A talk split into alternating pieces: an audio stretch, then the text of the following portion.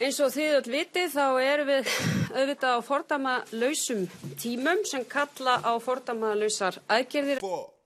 Fordama lausum tímum, fordama lausar aðgerðir, fordama lausum auðvitað á tímum eins og þið öll vitið fordama lausar sem kalla á aðgerðir. Þriðju dagur 28. apríl 2020. Fertugasti og fjórði dagur samkomiðbans. Staðfest smitt eru 1795, 149 eru í einangrun, 11 eru á sjúkrahúsi, enginn er á gjörgæslu. 10 hafa látist.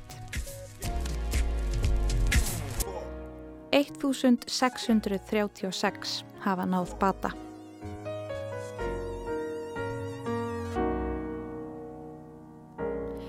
Velkomin í áttunda þátt sér útgáfi lestarinnar fordæmalauðsir tímar. Í þessum þáttum höfum við verið að skrásetja hérna undarlegu tíma sem við upplifum. Það hvernig fólk er að takast á við lífið í miðjum COVID-19 heimsfaraldri. Personlegar sögur úr COVID-nu heimsóknir í framlínuna og vangaveltur um framtíðina. Í þætti dagsins beinum við sjónum okkar að fréttum og upplýsingamiðlun. Við fylgjum bladamanni stöðvar 2 á daglegan upplýsingafund almannavarna. Við ræðum við Kristjánu Áspjörsdóttur, faraldusfræðing við Háskólinni Washington, en hún hefur þurft að rökræða um faraldurinn við sjálfskeipaða sérfræðinga á samfélagsmiðlum undarfarnar vikur. Og við veltum fyrir okkur upplýsinga óreiðu og áræðanleika frétta með þeim Finni Delsen, heimsbyggingi og Haugim á Helgasinni Ríðtöfundi og Bladamanni. En við byrjum í bandaríkjunum.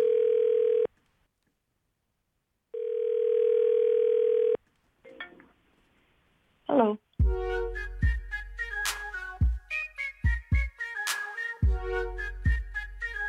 Ég heiti Kristjana Ársbjörnsdóttir og ég er lektor í faraldsræði við uh, University of Washington í Seattle.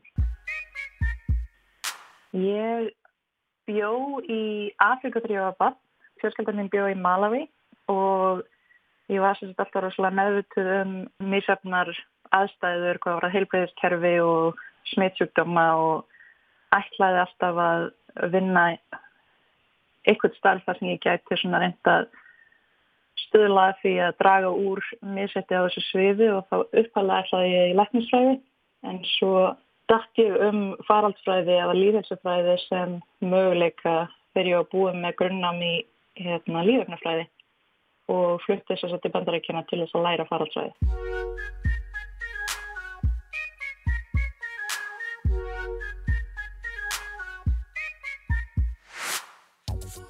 Ég lýsi henni þannig fyrir nefnunum mínum því nú er ég farin að kenna faraldsvæði á grunnháskólastígi að þá lýsi ég faraldsvæði þannig að hún er, snýst mikið um tölur en á bakvið allar tölurnar er alltaf manneskjur og flest okkar sem að vinnum á þessu sviði við vinnum á þessu sviði vegna þess að við höfum sterkar réttlætiskend og vegna þess að það er mjög mikil óréttlæti í rauninni og skortar og jafnrétti til hilsu og misskipt gæði í sjúkdómum og hilbreyðistjónustu og heimsvísu og líka innan samfélaga.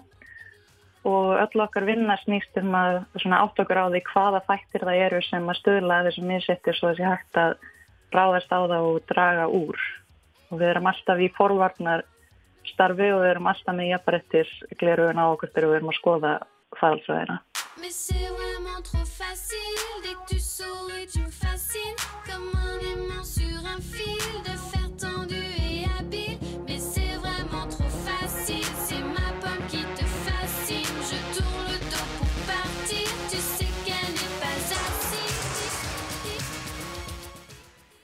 Ég heyrði fyrst um koronaviru faraldurinn í desember.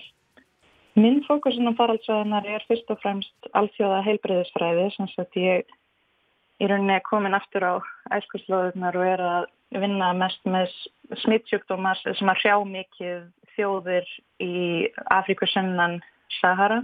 Ég er á fundum alltaf reglulega við fræðumenn í faraldsfræði og alþjóða heilbreyðisfræði frá ýmsum löndum og þannig að það byrjaði svona fljótlega koma upp bara sem svona spjall í rauninni í lokfundar hver hefur heilt hvað og reknum við með því að þetta muni hafa áhrif á okkar rannsóknir eða okkar samfélag sem þetta er að framlega stendur og svo, svo bara gerðist allt eins og ég segi mjög hratt í byrjun árs 2020 og nú er í rauninni allt okkar starf lama.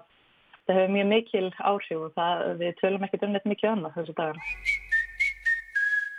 Þetta er búið að vera líðabæði mjög hratt og mjög hægt, þetta koronaviru tímabill. Ég hef búin að vinna að heimann í sjö vikur núna og það er svona, það er ekki alveg einfalt að átta sig á því nákvæmlega hvenær upplýsingarnar fóru að svona hlaupa í svolítið nút. En það sem að gerist eðlilega er að fólk er opaslega áhyggju fullt og fólk er mjög svona svolítið í upplýsingar og vill skilja þetta og vill helst af öllu fá sagt, staðfesting á því að það sé allt í lægi og það sem að gerist er að vísendafólk er mjög heikandi oft við að slá hlutunum förstum. Við setjum okkar upplýsingar oft fram með alls konar svona fyrirverum um að miða við núverandi upplýsingar og eftir því sem við komum næst og fyrstu niðurstöðu benda til fyrir fólk sem það starfar ekki á þessu sviði þar hljómar þetta allt saman einhvern veginn mjög þetta er ekki mjög uppörfandi þetta er ekki mjög svona tröstveikjandi finnst fólki þannig að það því miður fer svolítið út í það að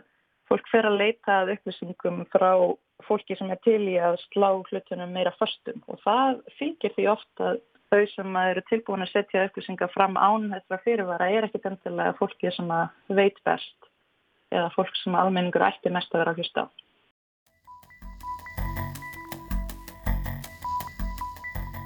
Hvort það var í mars sem að byrjaði að koma mjög mikið fram hérna í bandaríkunum að fólk sem að starfar við að meta gögna á allt öðrum sviðum heldur en faraldsfræði var svolítið farið að byrta greinar sem að fengu mikið umtal og dreifðust við að það sem að hérna, sló eins og förstu um faraldurinn og hvernig hann myndi haga sér. Og svo er það farið að gera svolítið sérstaklega hérna í bandaríkunum að eftir því sem að fólk fyrstir meira í það að fá að snúa aftur til venjulegs lífs. Sem ég segi bara mjög skiljanlegt þetta er óbúslega erfitt tímabil. Og eftir því sem að fólk er svona það að fá að snúa aftur til venjulegs lífs og þá er það líka svolítið farið að bera því að það eru ymsir farnir að halda því fram að þetta hafi allt saman verið oftúlkað og faraldurinn sé ekki eins alvarlegur eins og við heldum og þetta er okkurslega erfitt vegna þess að þetta er alltaf með glæð nýtt fólk getur hort á sömu tölunar og komast að gera ólíkri neðurstöðu en það er mjög strempið þegar fólk er tilbúið að slá hlutunum mjög förstum án þess að hafa endilega fórsöndi til að skilja akkurat þessa tegundagögnum þó það getur haft mjög góða hæfileika í að lesa úr gögnum í, í öðru samhengi, hagfræði eða tækni eða öllu mögulegu. So, supposing we hit the body with a tremendous, uh, whether it's ultraviolet or just very powerful light. Já, svo er það náttúrulega ákveð vandamál líka að Donald Trump er vísenda fólki sem hann er með innanbors hefur mjög gott orða sér og hefur á baki langan feril á þessu sviði, Dr. Fauci alveg sérstaklega, ég treysti honum alveg alla leið en í stað þess að leifa þessum vísendamennum að tala um það sem að þeim hefur farið á milli að þá hefur Donald Trump svolítið tekið að sér að svona reyfa umræðina og segja frá því hvað þeim hefur farið á milli og ég held að það, svona, það skólast oft svolítið til. Þannig er ekkit endilega mjög nákvæmur í orðavali þannig að það þarf ekkit endilega að vera að hann hafi meint það að fólk ætti til dæmis að spröyta í sig sótfrjónsefnum en þetta er ábyrð hans mjög mikil af því að það eru fleiri miljón manns sem að horfa á hann halda daglega upplýsingafundi. Þannig að ef hann er ekki í stakk búinn til þess að deila þeim upplýsingum á þann hátt að það sé ekki hægt að miskilja þess þá væri mjög betra ef hann leiði ef hann svona letið sérfæðingunum bara eftir orðið. And these are incredible people at that we could call it a laboratory because that's essentially what it is. It's a super laboratory. It's a lot of things going on at that laboratory. Ég hef svolítið lendið því sjálf þegar ég hef verið að tala um faraldurinn á Twitter eða um smittsugdóma almennt eða um líðhelsufræði aðgerðir að fólkur ímsum áttum sem að telur sig vita betur hefur svona hefur fundist að þurfa að segja mér til sömndaði er náttúrulega bara það sem að konur sem eru sérfræðingar lenda mjög ofti á netinu og ber ekki að taka mjög alvarlega en, en oft er það það að fólk er að bera í mig upplýsingar sem að það hefur séð þar sem að til dæmis eru læknar í Kaliforníu sem að sendu frá sér YouTube myndband sem er búið að dreifa mjög víða þar sem þeir haldaði fram að líkurnar á eh, döðsfalli af völdum COVID-verunar séu ofmetinn með minna að þeir hafi sagt þúsund fast. Það er ekki nokkur fótur fyrir því sem þeir eru að segja.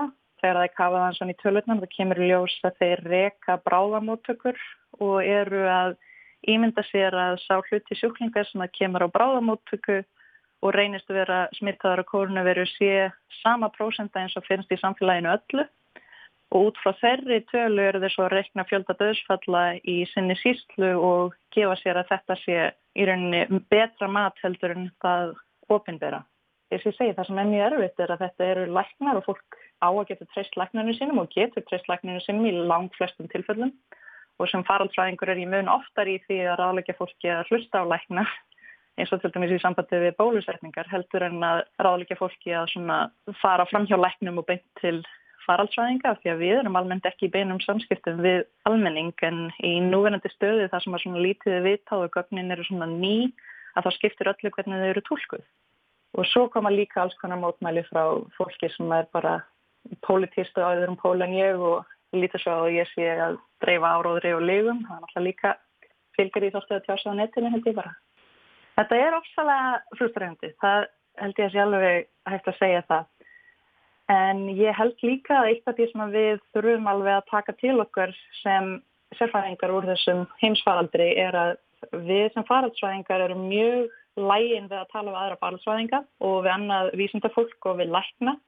Við erum ekki nærri eins dugleg við það eins og við ættum að vera að tala beint við almenning og lýsa neðustöðunum okkar á þann hátt að fólk geti meðtekið það án þess að vera endilega að setja sömu fyrirvara á eins og við setjum á þegar við ræðum hvert við annað ef að við tólkum ekki niðurstöðunar okkar fyrir almenninga þá gerir einhver annar það og gallin er sá að fólki sem að tekur aðeins fyrir að tólka fyrir aðra er ekkit endilega í stakkbúið til að gera það rétt og vel. Þannig að þetta er vissulega mjög frustrærandi en ég hef líka séð svolítið að það er mjög mikil aukning á því hversu margir faratsvæðingar er að tjá sig á Twitter til dæmis. Það erum mjög mörg svona gengin í það að deila fréttum og, og svona benda á umfjöldun sem ætti betur fara og benda á umfjöldun sem er góð og svona reyna að, reyna að setja ykkur í betra samband við almenning heldur en verið hefur. Þannig að ég vona að við lærum að mista kosti það að þessu öllu saman. Þrátt fyrir að það sé persónulega frústrerandi að lenda í því að vera að deila upplýsingum sem eru þær bestu sem ég hef aðgang að og vera svo sagt að ég sé að ljúa vegna þess að ég sé að reyka áráður fyrir Kína. We're tired of not being able to buy the things that we need, go to the hairdressers, get our hair done. It's time to open up. Þetta er ofsalega erfitt tímabil bara í sögunni til þess að vera að lifa í gegnum. Og ég upplifði þetta í rauninni á svona tvennun hátt samtímis. Annars er ég náttúrulega bara eins og við öll. Ég er fast tíma hjá mér, ég hitt ekki fólk.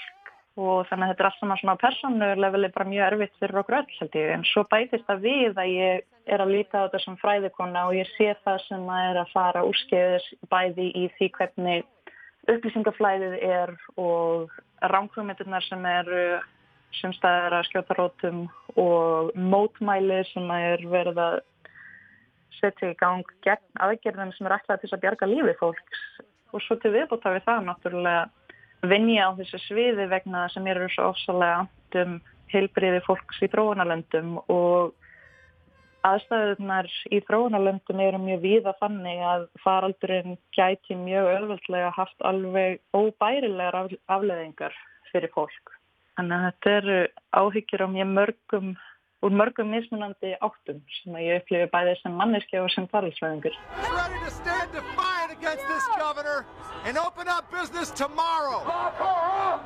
Það hefur verið ofsalega gott að fylgjast með því hvernig hefur verið staðið að faraldurinnum á Íslandi. Þannig ég finnst mjög mikið til þess koma að það hafi verið dælegir bladamannafundir og það hefur ekki verið stjórnmála fólk heldur fólk sem getur deilt upplýsingum beint um faraldurinn og við, við honum og hvernig staðan er. Og það er akkurat það sem við ættum að taka okkur til fyrirmyndar sem viðast sem faraldsvæðingar og vísindafólk að á svona tímum að þá er það fólkið sem að almenningur þarf að geta heyrt í og haft aðgangað og ég held að það hafi verið hluti af því að það þurft ekki að skella alveg eins mikið í lás á Íslandi eins og við að annar staðar og verðist allavega svona með að við allar tölur á COVID.is og þá lítur út fyrir að það sé alltaf rétt leið þannig heima.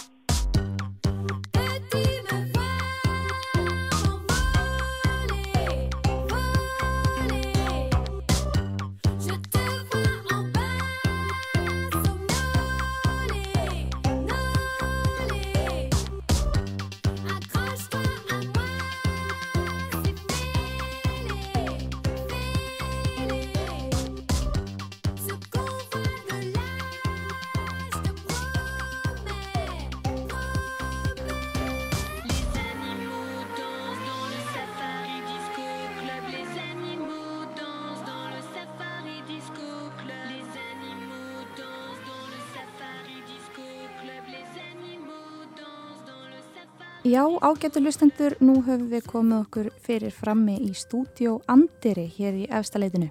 Hér hjá mér sitja Haugur Már Helgason, reithöfundur og bladamæður og Finnur Delsen, dósent í heimsbyggi. Velkomnir báðir tveir. Þið eigið það sammeginlegt að hafa aðeins verið að velta fyrir ykkur hugtakinu upplýsinga óreiða upp á síðkastið. Þetta hugtak hefur verið fyrirferða mikið á síðustu misserum og nú hefur þjóðar örgisráð komið á vinnuhópi til að kortleggja byrtingar myndir og umfang upplýsinga óreiðu í tengslum við COVID-19 hér á landi og gera tilugur um aðgerðir til að spórna gegn henni eins og það er orðað á vef stjórnarásins. Og því er kannski ekki úr vegi að velta fyrir sér þessu fyrirbæri og áhrifum þess en ég ætla að byrja á að spyrja þig Finnur. Falsfréttir og upplýsinga óreiða, er þetta sami hluturinn? Ég hefði haldið að það væri til, til upplýsingaóreða sem að væri ekki beinleins falsfrettir. Uh, almenningur fær einhverjar upplýsingar sem eru kannski réttar en koma málun ekki við. Fær svo mikið af upplýsingum í hendurna að það er erfitt að, að velja úr þar upplýsingar sem máli skipta. Og falsfrettir hins vegar eru frettir sem eru einhvern veginn rángar eða óraugstöldar eða verulega misvísand og eru hannaðir til að vera, vera það þetta er kannski ekki endilega nákvæmlega sama fyrirbæri en væntalega tengd fyrirbæri samt. Þetta snýst um að með einum öðrum hætti verði erfitt eða, eða ómögulegt fyrir almenning að fá réttar upplýsingar í hendurnar og mynda sér réttar, réttar skoðanir. Ég held að þetta svona bæði upplýsingaóriða og, og falsréttir og bara ósanindi hafa nú verið notað í áranar ás en uh, hins vegar það sem er nýtt er kannski hlutverk uh, samfélagsmiðla og uh, svona, þessi hröðu samskipti sem við sjáum náttúrulega á síðustlum árum áratugum um, sem að gera verkum að það verður erfiðar að sortera út upplýsingaóreiðuna eða, eða falsettinnar frá þeim upplýsingar sem við viljum fá uh, vegna þess að hlutinni gerast svo hratt að maður, fólk er búið að mynda sér skoðanir þegar að hugsanlega leiðréttingar eða þegar eitthvað kemur í ljós uh, að var rámt þegar það er fólk aftur að sjá því. Og þá standa oft eftir alls konar mískilingur eins og tægi og skoðanir að, eða hugmyndir sem eru bara hreinlega rángar og mörg dæmi um það að alls konar svona bábiljur verða eftir vegna þess að það var það sem var sagt á sínum tíma og svo er það aldrei almennilega leiðrétt nema kannski einhverju stuttir í frétt í næsta fréttatíma meðan að fréttin sem var reyndist að vera raung var, var í öllum fréttatímum og var var hérna, mjög, mjög stór og fyrirframikil. Haugur, þú hefur verið svolítið að skoða þetta, svolítið að velta þessu fyrir þér og ég held að ég sé að hafa rétt eftir þér að þú hafi sagt að upplýsinga óreiða væri kannski í raun bara jöfn gömul manninu. Ég er nokkuð við sem um að ég hef ekki látið frá mér þá setningu en ég hugsa að þetta sé alveg sagt, svo sem sko. Jú, heyrðu, jú, það var á einum stað alveg rétt. Ég hérna, sko, þetta er formunlegt orðu upplýsinga óreiða vegna þess að það á sér ekki samsvörni en sko held ég að öðrum málum nema innan eðlisfræði sem þá, og semst upplýsingafræði sem information entropy. Og það er það bara samheiti við óreiðu almennt. Og þetta er svo óreiða sem samkvæmt kenningum eðlisfræðinar fer vaksandi í heiminum sama hvað frá upphafi vega og lífið er ein af undatækningunum frá, lífið er bara stanslust streyt okkar við að bæja óreiðinu frá, að halda smá reglu á hlutunum. Þess vegna þurfum við alltaf að vera að taka til í sama heldurstunu og skrúpa sömu diskarna og þrýfa sömu gólfin og, og hérna vinna með þeim mitt hvað síðan hvað við hugsaum og hvað við hugsaum ekki og hvað, hérna, hvernig við greiðum úr upplýsingaflóðinu. Þetta er ekki eins og bara mannlegt þetta er bara svona sam lífrænt fyrirbæri að hérna bæja frá óriðinni kannski er bara allt til að ég horfa á hugtæki frá þessum sjónrólið og ég ætla nú ekki að fara þangað bara til að þeim mitt merkja við hversu kannski svona óþart það er að stopna veist, eftir, að, eftir að við erum búin að vera þrýfast hérna í þessar miljónur ára að, að þá þurfi ríkistofn á Íslandi til að bæja upplýsingaóruðinu frá. Ég er ekki vissum að við lifum svo mikla frávegstíma akkurat núna að til þess þurfa að koma og ég skjelvist pínulítið svona tilneyinguna sem hann sínist byrtast þar sem er svolítið kínversk eða einhver taugaveiklun verðist manni vera um heppilegar og óheppilegar merkjasendingar. Og finnur fyrir söman af að það er sko það er ekki endilega um það að ræða að bæja frá uh, ósanindum sem slíkum heldur ráða styrk uh, merkjasendinga. Almennt held ég að samfélag séu svolítið góði að greiða úr því sína á milli með samtali Við höfum náttúrulega séð svona bókstallegar falsfrittir spretta upp í þessum faraldri og sumar hafa kannski verið, já ekki hættulegar, svona eins og frittinum svanina í fenegjum sem allt í hennu voru komnir aftur en svo reyndist það ekkert vera, uh, vera satt og það er ekki hættuleg falsfritt en svo eru aðrar kannski hættulegri falsfrittir sem að snúa að smitvörnum mm. og þarframötu göttunum. Er ekki tilgangur í því samt að einhver, einhvers konar yfirvald sé til sem að svona ákveði sannindi og ósannindi? Já, eitt er náttúrulega að við erum auðvitað með alls konar yfirvöld eða stopnarnir sem að við getum leita til til þess að reyna áttagráði hvað er satt og hvað er ósatt til dæmis um COVID-19 faraldurinn að þá erum við með almannavarnir og við erum með landlæknisembætti, við erum með sótarnalækni og þessar stopnar eru þarna til þess að segja okkur hvað sé satt og hvað sé ósatt af því að við erum flest okkur ekki í aðstöð til þess að gera það sjálf ef við hefðum ekki einhverjar aðrar upplýsingar til þess að einhverjar aðrar aðlar til þess að fá upplýsingar frá en það er náttúrulega hins vegar annað skref ef að það á að fara að einhvern veginn rítstýra umfjöllun um eitthvað eins og COVID-19. Ég kannski hef ekki sérstaklega miklu að trúa að það sé ætlunir með þessum vinnuhópi og það hefur náttúrulega komið sérstaklega mikið fram um það hvað, hvað þessi vinnuhópur á, á að gera og ég held að það sé kannski kannski ekki alveg tímabært að fara að spekulera um þetta sé meiri hátt að rítskoðun sem ég að fara, fara af stað en ef að það er að þá held ég að það sé ekki, ekki heppilegt og ég mitt ekki til þess fallið að, að efla einhvern veginn tröst á, á þeim eða öðrum meili yfirvöldum sko. En uh, á, á sama tíma við erum alveg verið við það að það fer fram rítskoðun í samfélaginu alltaf. Það er alltaf einhver rítskoðun í gangi sem að fælst í því hvaða fréttir miðlar ákveða að byrta Núna er kannski reytskoðun orðin að umfangsmeiri og sínilegri þætti í samfélagsmiðlum eftir að eh, Facebook var tekin á teppið vegna herrferðar Rústlands til þess að styðja við herrferð Trump.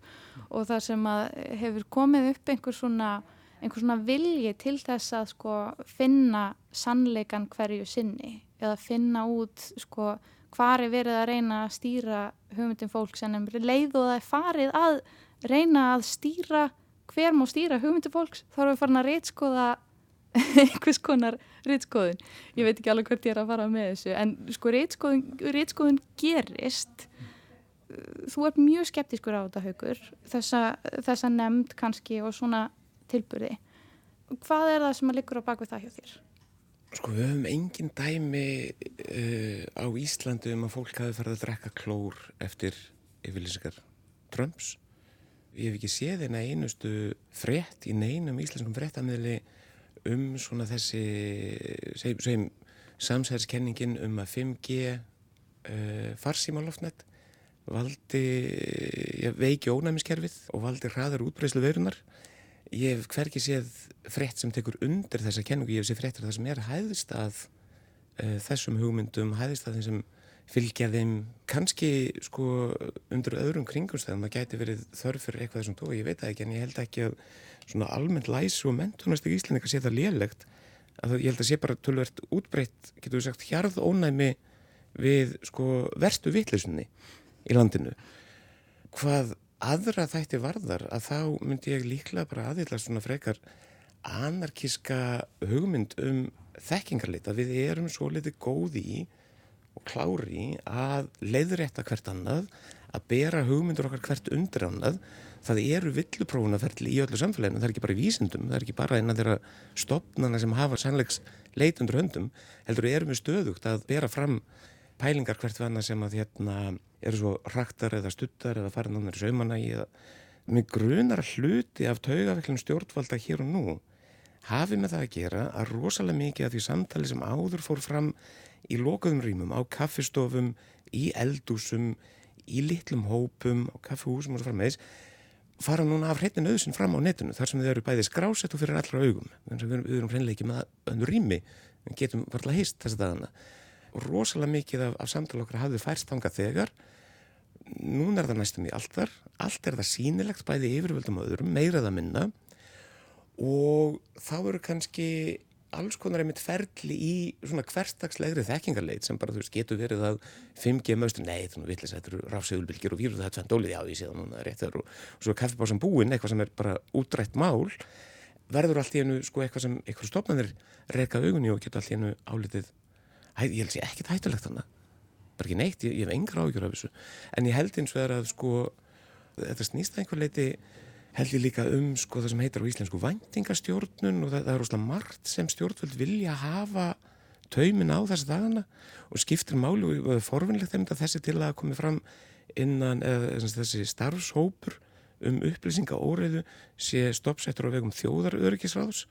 En þess að núna er sko litið svo á þessi svo margt sem varði þjóðaröryggi í þessu ástandi og ég væri bara svolítið smeykur við að, að stopnum sem er í grundvallarætturum hefur svona kannski hernaðar hugsun að baki eigi að fara að mæta þarna á vettvang og hafi eitthvað um það að segja með það hugarfar hvað sé hefnilega og óhefnilega tjáning.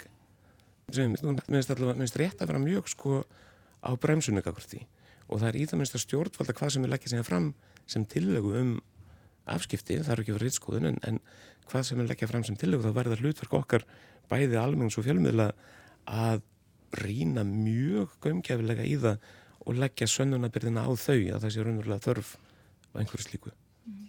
Við höfum séð stopnarnir samfélagsins bregðast á einhvern hátt í samhengi við svona upplýsingaóriðu eða falsfréttir og þar, þar er kannski hægt að nefna aðalega ránkugmyndir um áhrif bólusetninga á börn og sömurleiðis þú nefndir hérna áður en að við hófum viðtali finnur Climate Gate mm -hmm. það eru þessi svona þessar leiðir þar sem að ránkugmyndir fara út í heiminn þar sem að stopnunum tekst ekki að bregðast nógu vel mm -hmm. sem að kannski er ástæðan fyrir því að það, að það verður til þessi svona spurningum sterkara viðbregð hvar mm. finnst ég að finnur línan liggja hvernig, hvar eiga sko stjórnvöld og stopnanir að liggja í þessum dansi Svo ég svara þér beint að þá er mín skoðun bara svo að það er að vera til svona stofnanir eins og sóttvarnalæknir landlæsinsambætti þess að maður getur leita til og fengi réttar upplýsingar.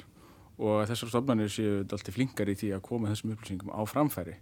En það er náttúrulega ekki rítskoðun heldur bara frambóð á upplýsingum sem eru aðgengilegar fyrir fólk.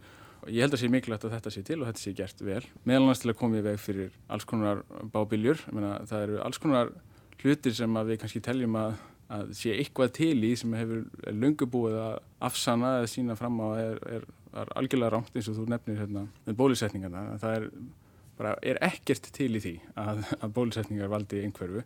En samt er mjög stór hluti fólk sem heldur að það nú kannski eitthvað, eitthvað til í þess að nú einhver áhætta þarna sem, sem er sýtt í staðar.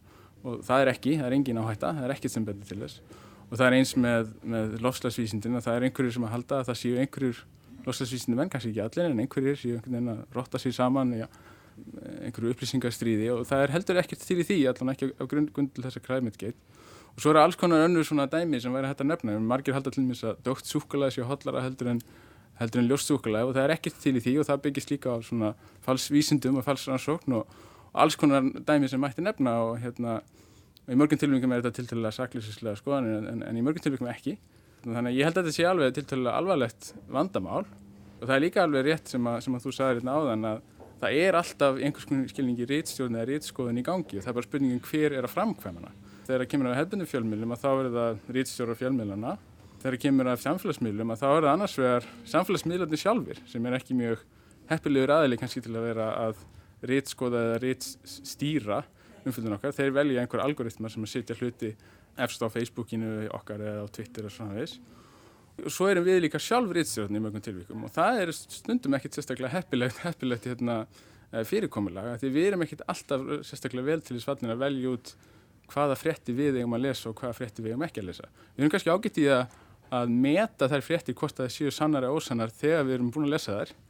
En hins vegar erum við kannski sérstaklega góðið að velja fyrirfram hvaða frétti við eigum yfirleitt að vera að lesa og, það er ákveð, ákveðin hætta sem að, sem að felst í þessum samfélagsmiðlum. Við veljum út þær upplýsingar sem að einhvern veginn passa við okkar fyrirfram mótiðu skoðunir og þá verður úr alls konar skautin eða polarisering og það getur verið mjög hættilegt fyrir líra það sem betur fyrir hefur kannski ekki gerst mjög mikið hérna í Íslandi en það hefur gerst mjög víða annar staðar. Og, og svona, ég spáði það að sé byrjun verið bara tímaspursmál hvernig það verður muni gerast hér á Íslandi líka einhverju leiti nema við séum svona heppin einhverju þetta vegna að, að hérna, eitthvað, eitthvað í íslensku samfélagi gera, það, gera verkum að þannig er næstu ekki að flug en.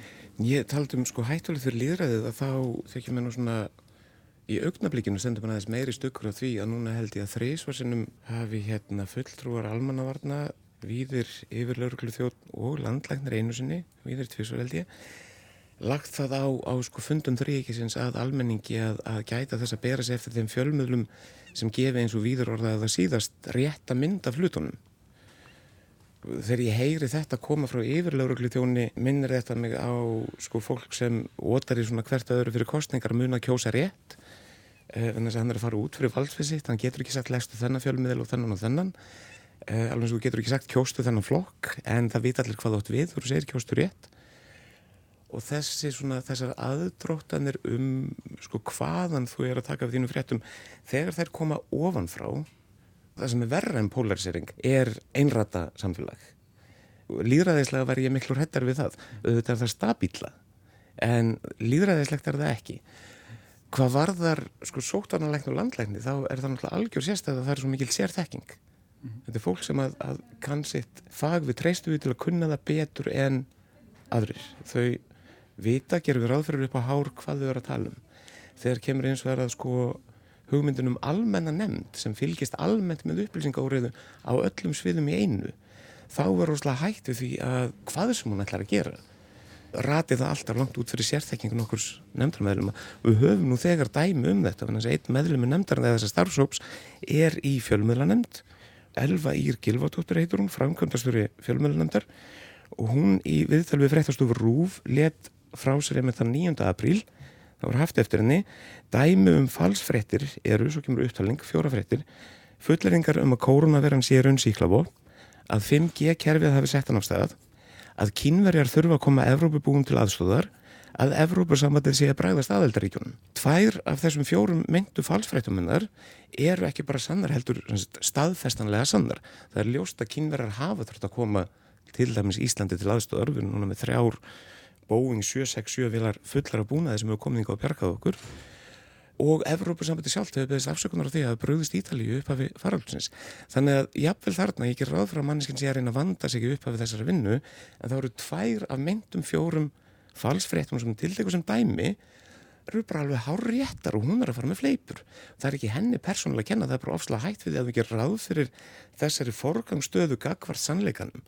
Þá verður úr því óttalega þæglað ég er sammálað því en það er náttúrulega spurning hvort að það sé eigi að vera hlutikastræðar nefndar. Og ég held að það hafi kannski komið fram að, að þetta eigi að vera einhver nefnd sem eigi að eigi, eigi að sjálfa vera að segja til um það hvað fréttir eru réttar og hvað eru rángar og ég vona sannlega að það sé ekki.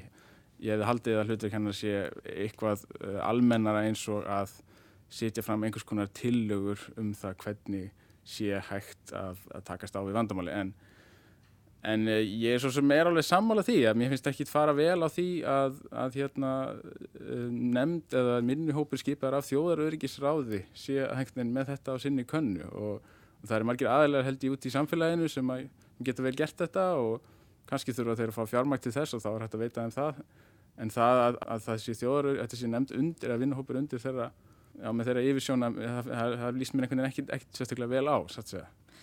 Framtíð upplýsinga óreiðu. Ekst hún eins og þú segir haugur með alltaf því meira sem tímanum vindu fram mm. eða er hún eitthvað sem er umverulega hægt að vinna bug á? Maður kannski vonast til þessi að annars verðum við bara vanarið þessu og venjumst í að, að, að fá meira af upplýsingum sem að við erum fljóttari að, að hérna, áttu því að koma málun ekki við eða er fljóttari áttu okkur að það rángar og svo það verður kannski þróaður einhverjar aðferðir eins og ennu að gerast í svona, svona gagnaöflunar fræðum þar sem að maður getur tekið við mjög miklum upplýsingum og hlut til sjálfvirt unnið úr þeim. Að það er kannski einhverja leiði til að notfæri sér það. En það hefur líka ákveðna hættir för með sér. Það er einhvers sem skrifa algríminn sem stjórna því hvað, er, hvað kemur út úr svona ferlum. Þeirra völd verða meiri og kannski of mikil án þess að við áttum okkur alltaf á því. Þannig að það er eins og svona spurningar sem að, sem að standa eftir held ég og, og ég held sér alltaf mikilvægt að að við hugsaum gaggrinni um þetta og að við hérna, einmitt kannski treystum ekkit alltaf stjórnvöldum, svolítið eins og haugur er að, er að mæla fyrir hérna að, hérna, að okkar fyrstu viðbröð séu vantraust. Ég held að það sé ágættis, ágættis leitis að nálgast þetta, að fyrstu viðbröð séu ákveðin vantraust og svo sé það þá á hendi stjórnvalda að sannfara okkur um að við eigum að treysta. Ég held ekki bara undir með finni að einmitt vantraust er grundvöllur líðræðisins og við megum ekki vanrækja það. Einmitt, láttu það vera að loka orðin Haugur Már Helgason og Finnur Delsen kæra þakkir fyrir komuna. Takk. Takk. Næst ætlum við að bregða okkur út úr húsi. Undanfarna mánuði hafa almannavarnir ríkislauglustjóra staði fyrir daglegum upplýsingafundi þar sem yfir lauglu þjótt, sótvarnalæknir og landlæknir hafa upplýst fjölmiðla og almenning um nýjustu vendingar í faraldrinum. Kristján fekk að fylgja blaðmanni stöðvar 2, Bilgjunar og Vísis á fundin í gær mánudag. Já, ég heiti Sunna Sæminsdóttir og fréttum maður hérna á stöð 2 og Vísi og Bilginni. Klukkan er uh, ganga 2. Við erum hérna inn á rýrstjórn okkar í, á Söðlandsbrytinni og erum bara hérna rétt bráðum að fara á upplýsingafund almanvarna sem hefst núna eftir 25 mínútur. Þetta er mjög óvinnilegt. Eh, það er búið að skipta okkur eins og náttúrulega bara í mörgum fyrirtækjum í sótarnar teimi. Við vinnum á tveimu vöktum og hittumst aldrei þess á milli hérna. Við erum hérna bíavaktin í húsi núna og e, það eru reynda bara við erum hérna örfá fréttamenn e, allir sem getur unni heima vinna heima. E, þeir sem skrifin á vísi þeir eru vinna heima. Sá sem sér merlendi fréttinar hjá okkur hann vinna heima frá, vinnur en með teppi hérna yfir hausnum að döpa fréttinar já, bara mjög fámengt og hérna ég held að fara að týnast inn á, á mánudaginn loksins ykkurir eitthvað fleiri. Og núna sem sagt um, hefur þú fengið það hlutverk að fara á uh, bladamanna uh, daglega upplýsingafönd. Hérna, er, það, uh, er það alltaf samið sem fyrir á fundin eða hvernig, hvernig svona fer þetta fram? Nei, við hefum nú bara rótir því að fer alltaf einhver frá stöð 2, einhver frá á sjóasvaktinni. Svo fylgist einhver með bara fundinum inn á vísi og, og hérna á getur við svona náða að dekka þetta fyrir alla miðla þannig en höfum í raunum, já, bara skipst á. Mm -hmm. En eins og dagurinn þinn í dag, gengur hann allur út á fundin eða hvernig hefur bara dagurinn verið?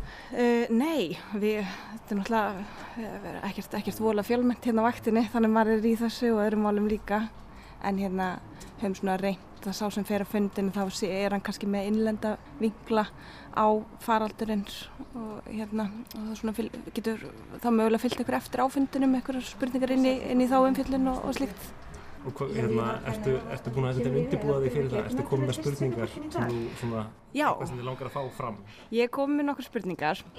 Og við hefum nú líka bara haft þann hátt á að við erum með svona hóp þar sem að við gerum bara þráð og bara það, svona, það sem brennir á öllum hérna á rýstjórnunni söpnum saman einhverju spurningum þar sem við börum upp, bara því sem við náum og Já, svo var ég nú búin að fara að taka viðtal svona bara upp á landsbítala sem tekist inn í þessum fjöllin þannig að svona undirbúin ykkur kringum þetta. Mm -hmm. og svo ætlaði ég nú að heita fórstýra landsbítalans bara hann verður líka gestur af fundirum en ætlaði svona að gott að fá kannski svona ítarlegri svör eftir fundin líka. Hvað er þú að fara að leggja stað þá? Já, fyrir bara komum okkur stað. Tvo fréttum á fíla uh, eitt sem er Samsveinsons og hinnum eftir allir ekki dansað.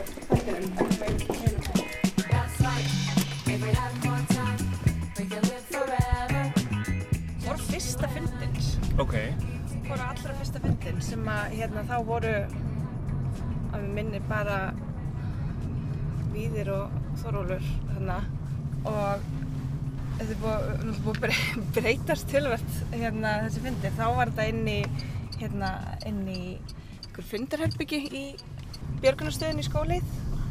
Og síðan var þetta fært þaðan og upp í mötuneytið.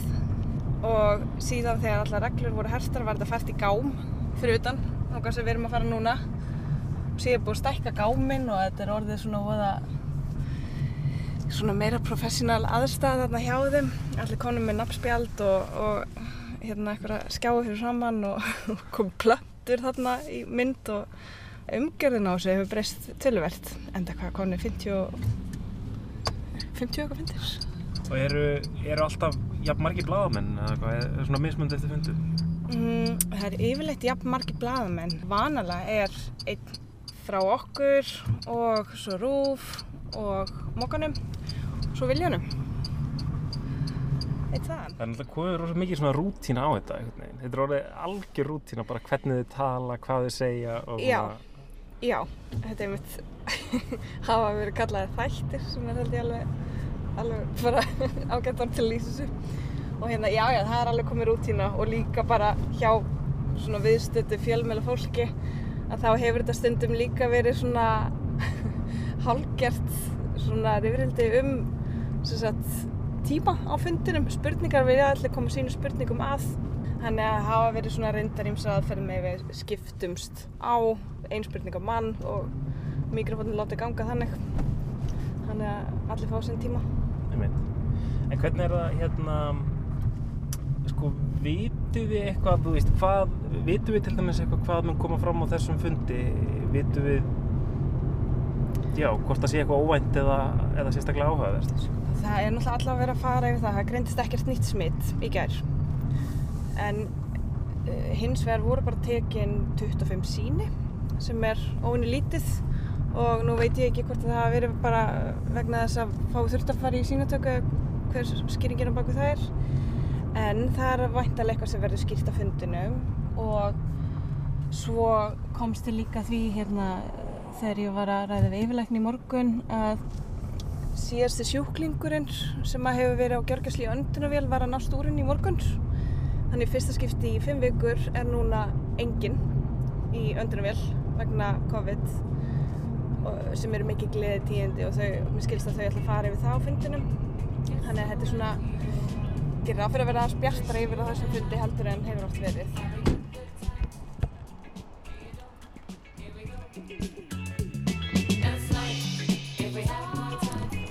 Byrja það í þessum gámi? Já, þessi gámur. Og hann er núna orðin með þess að, hann er orðin tvöfaldur. Ok. Var einn gámur. Já. Svo svona samlega því að þau hafa verið að, að slípa þetta til hjá sér bætti við öðrum gámi. Þetta er orðið agalega fín aðstæða hérna.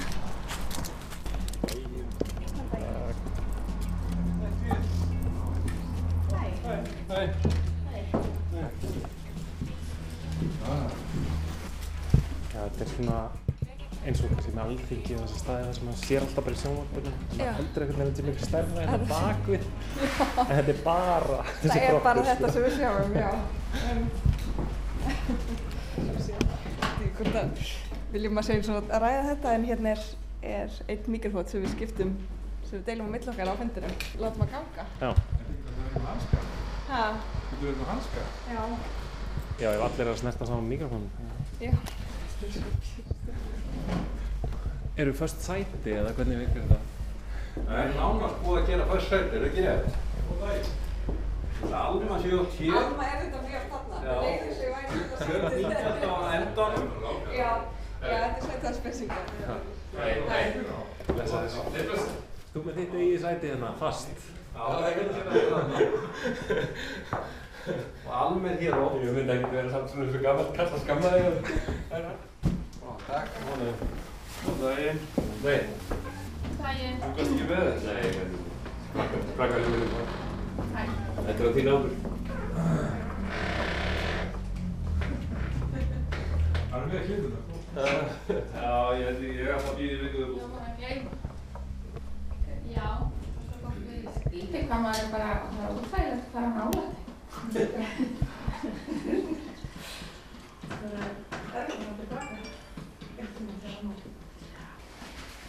Búin að taka það úr hann? Já. Og hár. Og hár líka. Svona einfaldasta klipping. Já, það er einfaldasta klipping. Þetta er COVID klipping. 20 sek.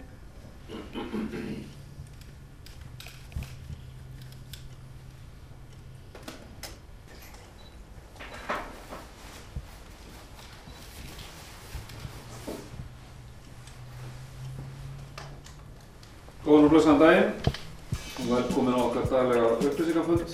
Ég heiti Víðir, með mér í dag er Alma og, og Páll og það er nú auður sem túkka fyrir okkur í dag. En Alma, hvað svo? Já, góðan daginn. Það voru bara allir. Takk kærlega við það og þá förum við spurningar.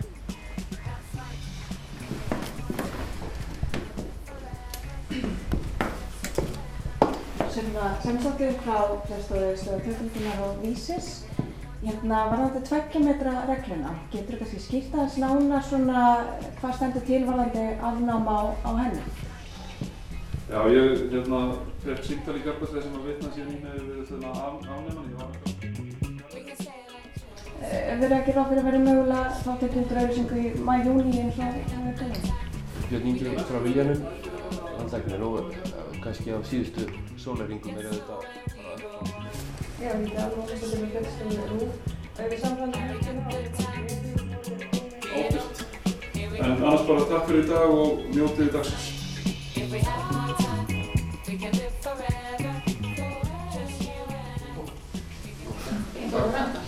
Og ég á það líka sko lið, það var klárast. Já, já.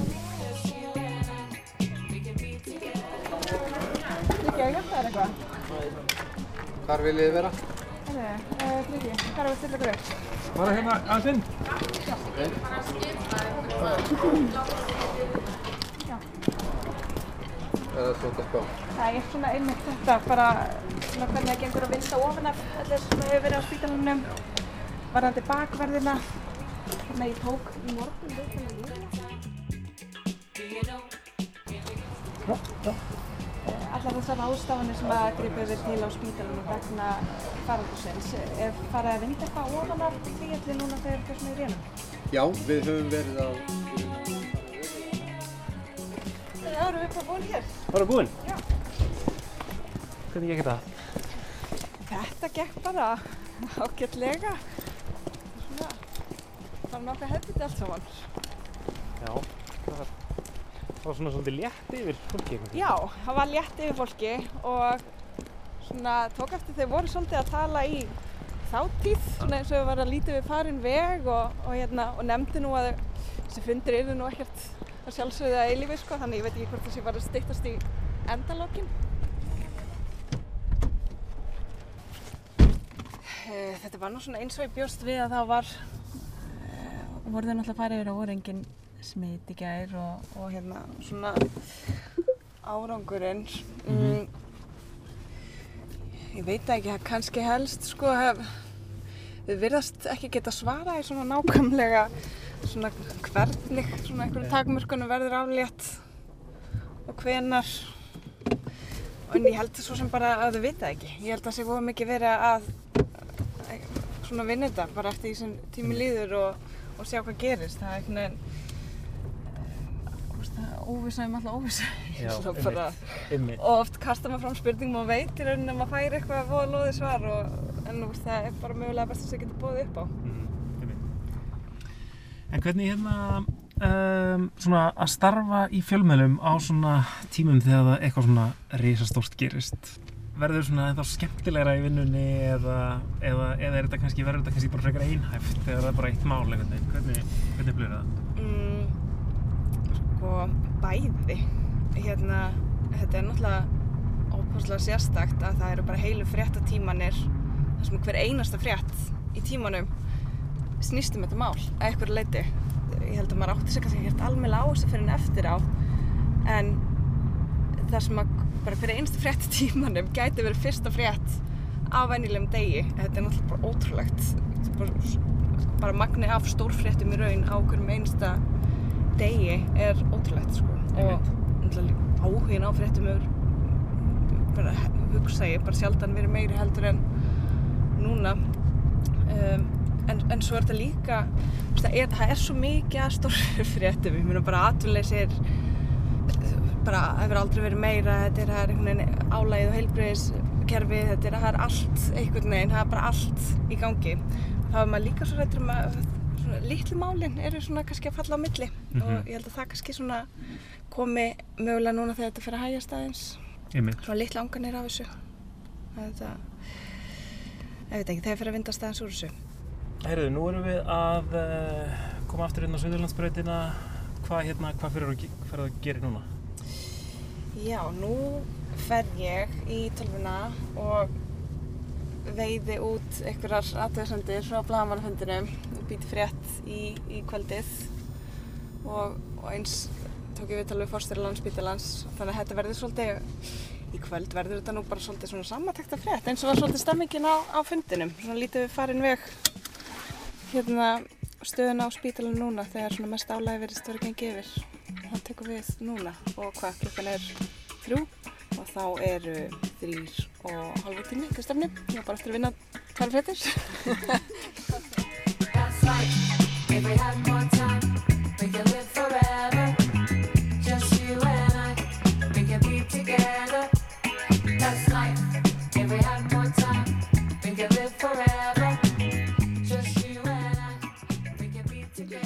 Hér undir hljómar lægið Time með hljómsveit sem að ég kann bara ekki að bera fram nafnið á, Kruang Bin. Ég veit það ekki. Takk fyrir að gera mér þennan óleik Kristján en þátturinn verður ekki lengri hjá okkur í dag. Lestin brunar samkvæmt áhættun á morgun en sérútgáfan er næst á dagskrá á fymtudag. Alla dættina má finna á hlaðvarpi til að mynda Apple Podcast eða Spotify leitið að fordæmulusir tímar og gerist áskrifendur. Bendum líka á að þið getið sendt okkur ykkar sögu annarkort skriflega eða á hljóð upptöku á rúf.is skástrík sögur úr kófinu. Getið til dæmis tekið upp í gegnum hljóð upptöku forrið sem eru á öllum venjulegum stjálfsýmum til að mynda appið Voice Memo í iPhone. Rúf.is skástrík sögur úr kófinu. Tæknumæður í dag var Einar Sigursson. Við þökkum fyrir samfélgina veriði sæl.